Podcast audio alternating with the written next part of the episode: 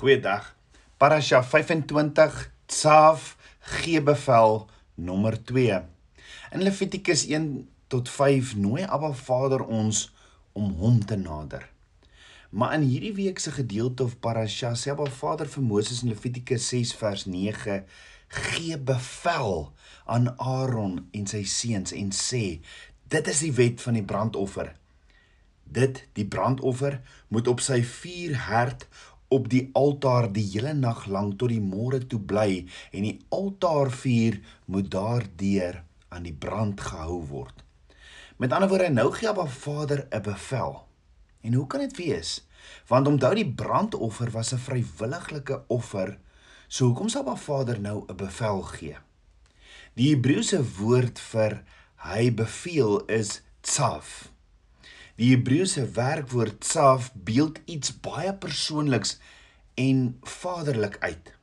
Nou as die woord die instruksies van Abba Vader beskryf, lees ons gewoonlik woorde van en die Here het met Moses gespreek om vir die kinders van Israel te sê.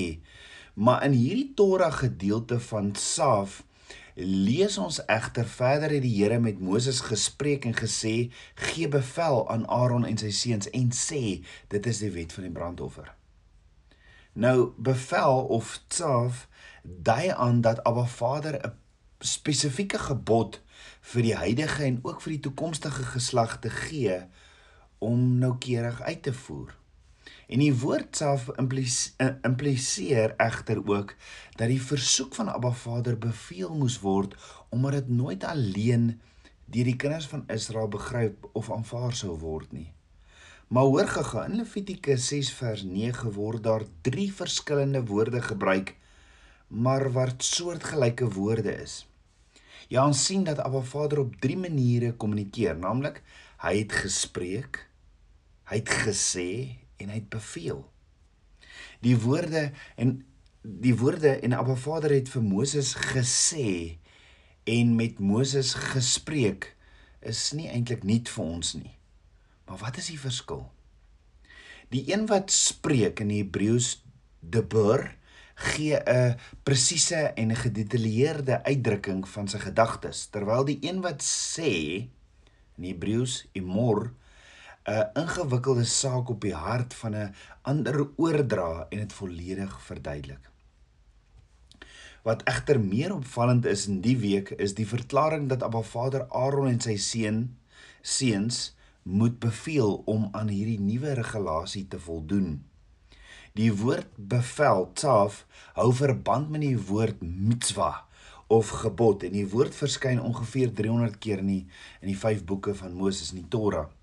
Tog hou die woord ook verband met die vervulling van die wil van Abba Vader bloot omdat hy dit beveel.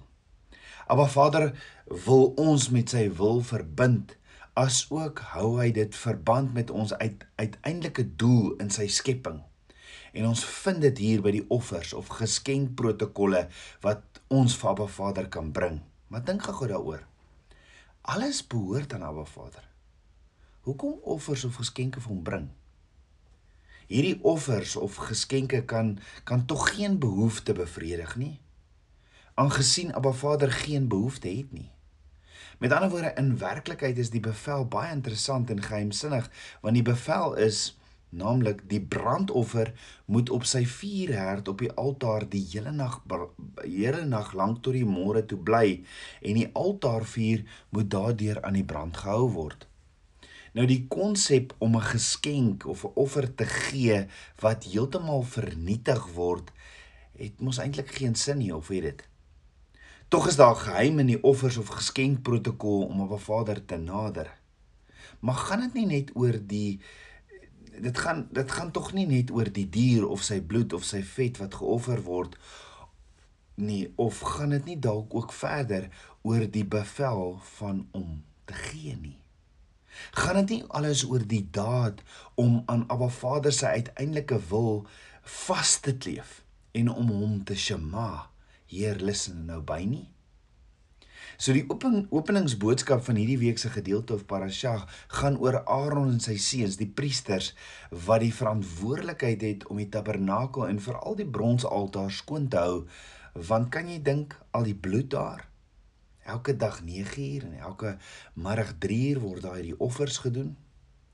Dan ook om die vuur wat Abba Vader aangesteek het by die bronsaltaar, moes hulle moes hierdie priesters ten alle tye in die brand hou. Want sien die goddelike vlam wat Abba Vader uit die hemel op die bronsaltaar van die tabernakel gestuur het, die dag toe die tabernakel gebou is, mag nooit uitgeblus geword het nie. Ja, Abba sê in Levitikus 6 vers 9, dit is die wet van die brandoffer. Dit die brandoffer moet op sy vuurherd op die altaar die hele nag tot die môre toe bly. Hy moet aan die brand gehou word. Nou as jy al ooit 'n vuur in die nag moes laat brand, dan weet jy dat die vuur die heeltyd van hout moet voorsien word om te brand. Die vuur moet gereeld gekontroleer word en dit moet gestook word. Jy moet ook seker maak dat die meer wortende as nie die toevoer van suurstof na die vuur versmoor nie. Dit beteken dat jy die as voortdurend moet wegbeweeg van die warmste deel van die vuur na 'n plek waar hulle genoeg kan afkoel om dan verwyder te word. En dan sê Abba Vader verder in Levitikus 6 vers 12 tot 13 en die vuur op die altaar moet daardeur aan die brand gehou word. Dit mag nie doodgaan nie maar die priesters moet dit elke môre daaroor hout aan die brand steek en die brandoffer daaroor reg lê en die stukke vet van die dankoffers daaroor aan die brand steek. Vuur moet gedurig deur op die altaar aan die brand gehou word. Dit mag nie doodgaan nie Behalwe dat die vuur op die altaar aanhou moet brand, was dit ook die priester se verantwoordelikheid dat die offer wat niemand na die altaar toe bring, ag wat iemand na die altaar toe bring om Abba Vader te nader aan Abba Vader se basiese vereistes moes voldoen het. Die priesters is ook verantwoordelik vir die behoorlike beveiliging van enige skepsel wat as offer van nadering tot Abba Vader gebring word sodat dit nie losbreek die aanbidder of iemand anders in die binnehof beseer of die tabernakel self skade berokken nie. Die priesters moes ook sien dat die dier so pynloos as moontlik geslag moes word. In wese was dit so dat as die priester die offer ontvang het dat hy die aanbidder lei deur 'n visuele en emosionele gelade ervaring. En sodra 'n persoon wat Abba Vader wil nader sy identifikasie gemaak het met wat hy aan Abba Vader gaan offer, het hy dan erken dat die offer 'n plaasvervanger vir homself was deur sy hande op die dier of op die graanproduk te lê en so was die aanbidder redelik reg vir ontmoeting met Abba Vader en kon hy Abba Vader se teenwoordigheid, sy verzoening en sy liefde geniet. En die priesters was dan ook verantwoordelik vir die bloed van die dier in 'n wasbak en het dit op die altaar gestort. Afhangende van die spesifieke offer of die korban in Hebreëus protokol wat gebruik is, moes die priester ook seker maak dat die karkas van die dier opgekap is en op die brand op die bronsaltaar verbrand word of versprei word volgens die toepaslike protokol van Abba Vader. En sodra dit voltooi was, moes die priester die altaar altaar weer gereed kry en skoon kry vir die volgende aanbidder. En dis hoekom Abba Vader gesê het deel van die priester se verantwoordelikheid is om die vuur aan die brand te hou. Maar in hierdie proses om hierdie dinge te doen, moes die priesters ook hulle klere op gepaste tye verander het om die klere wat hulle moes dra skoon te hou en vlekkeloos. So die priesters het 'n baie baie belangrike roeping gehad. Maar die vraag is tabernakelskind van Abba, wie is die priesters vandag? 1 Petrus 2 vers 9 sê: "Maar julle is 'n uitverkore geslag, 'n koninklike priesterdom, 'n heilige volk, 'n heilige 'n volk as eiendom verkry om te verkondig die deugde van hom wat julle uit die ysduisternis geroep het tot sy wonderbare lig." So ek en jy is die priesters en net so het Vader vir my en jou hierdie roeping. Net soos wat die priesters diensbaar was, so moet ons as priesterlike bruid van Yeshua diensbaar wees in Abba Vader se koninkryk. So, hoe is ek en jy hierdie diensbare bruid van Yeshua vandag prakties? Hoor wat sê Paulus in Filippense 2 vers 5 tot 8. Want hierdie gesindheid moet in julle wees wat ook in Christus Jesus was. Hy wat in die gestalte van God was, het dit geen roof geag om aan God gelyk te wees nie, maar het homself ontledig deur die gestalte van 'n dienskneg aan te neem en aan die mens gelyk te word en in gedaante gevind as 'n mens, het hy homself verneder deur gehoorsaam te word tot die dood toe, ja die dood van die kruis.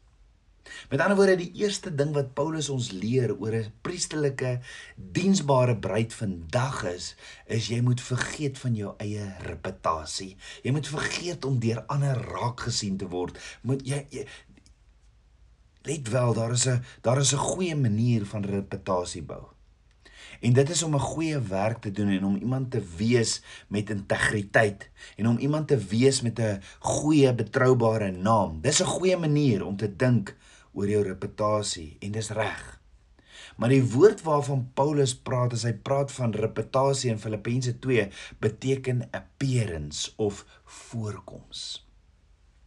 So wat Paulus sê is hou op jou bekommer oor hoe jy voorkom voor ander mense.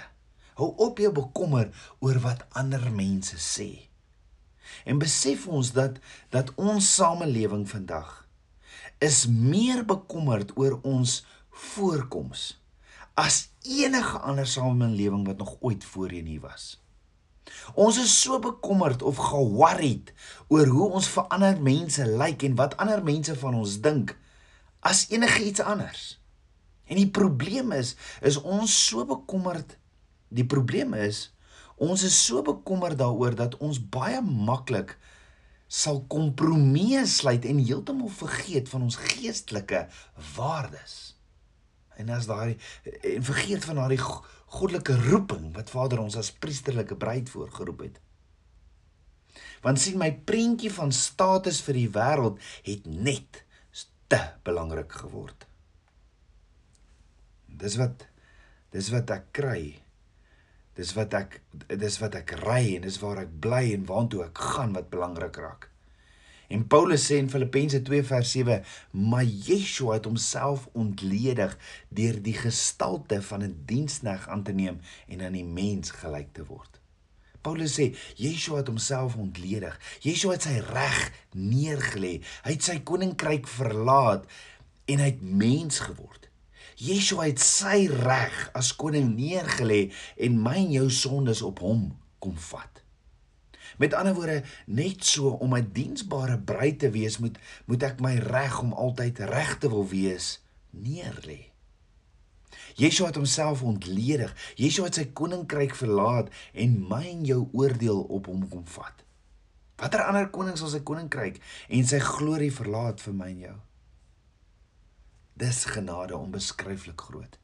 Yeshua het homself neergelê. Yeshua het sy reg om reg te wees neergelê en net so moet ek my reg om altyd reg te wil wees en om altyd die een te wees wat die laaste sê te sê het.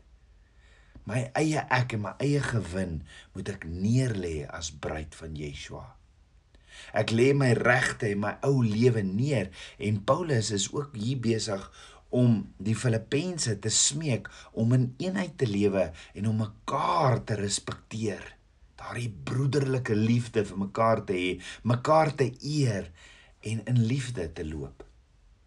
So om 'n diensbare bruid te wees, moet ek eerstens vergeet van my van my eie ek, my eie reputasie, my eie selfgesentreerdheid.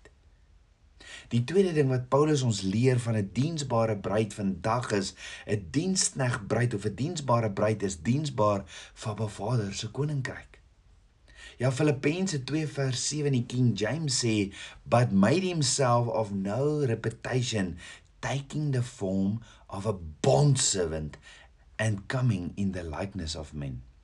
Nou die woord bondservant in Grieks is doulos wat beteken one who gives himself up to another's will. Met ander woorde Yeshua het sy goddelikheid neergelê, sy koninkryke, sy koninklikheid en en hy word 'n dienskneg en dis hoe ons as sy bruid ook moet wees. Hoeveel probleme in die wêreld, in besighede, in huwelike sal opgelos word en genees word as ek en jy ook soos Yeshua diensknegte word.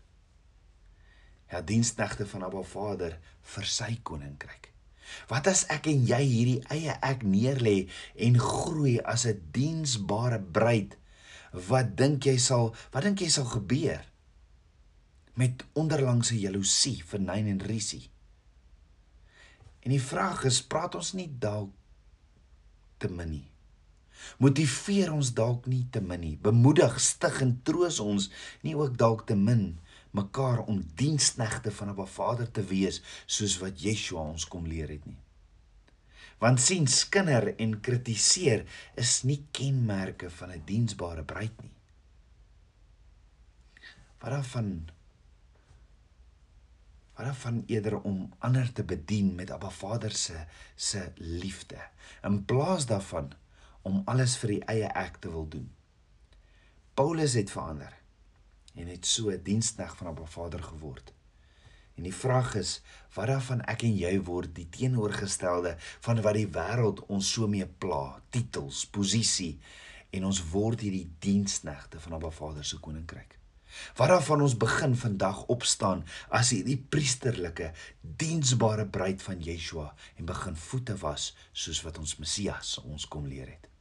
Wat daarvan ons word hierdie diensknegte want ons koning, ons bruidegom het dit so gedoen. Kom ons bid saam.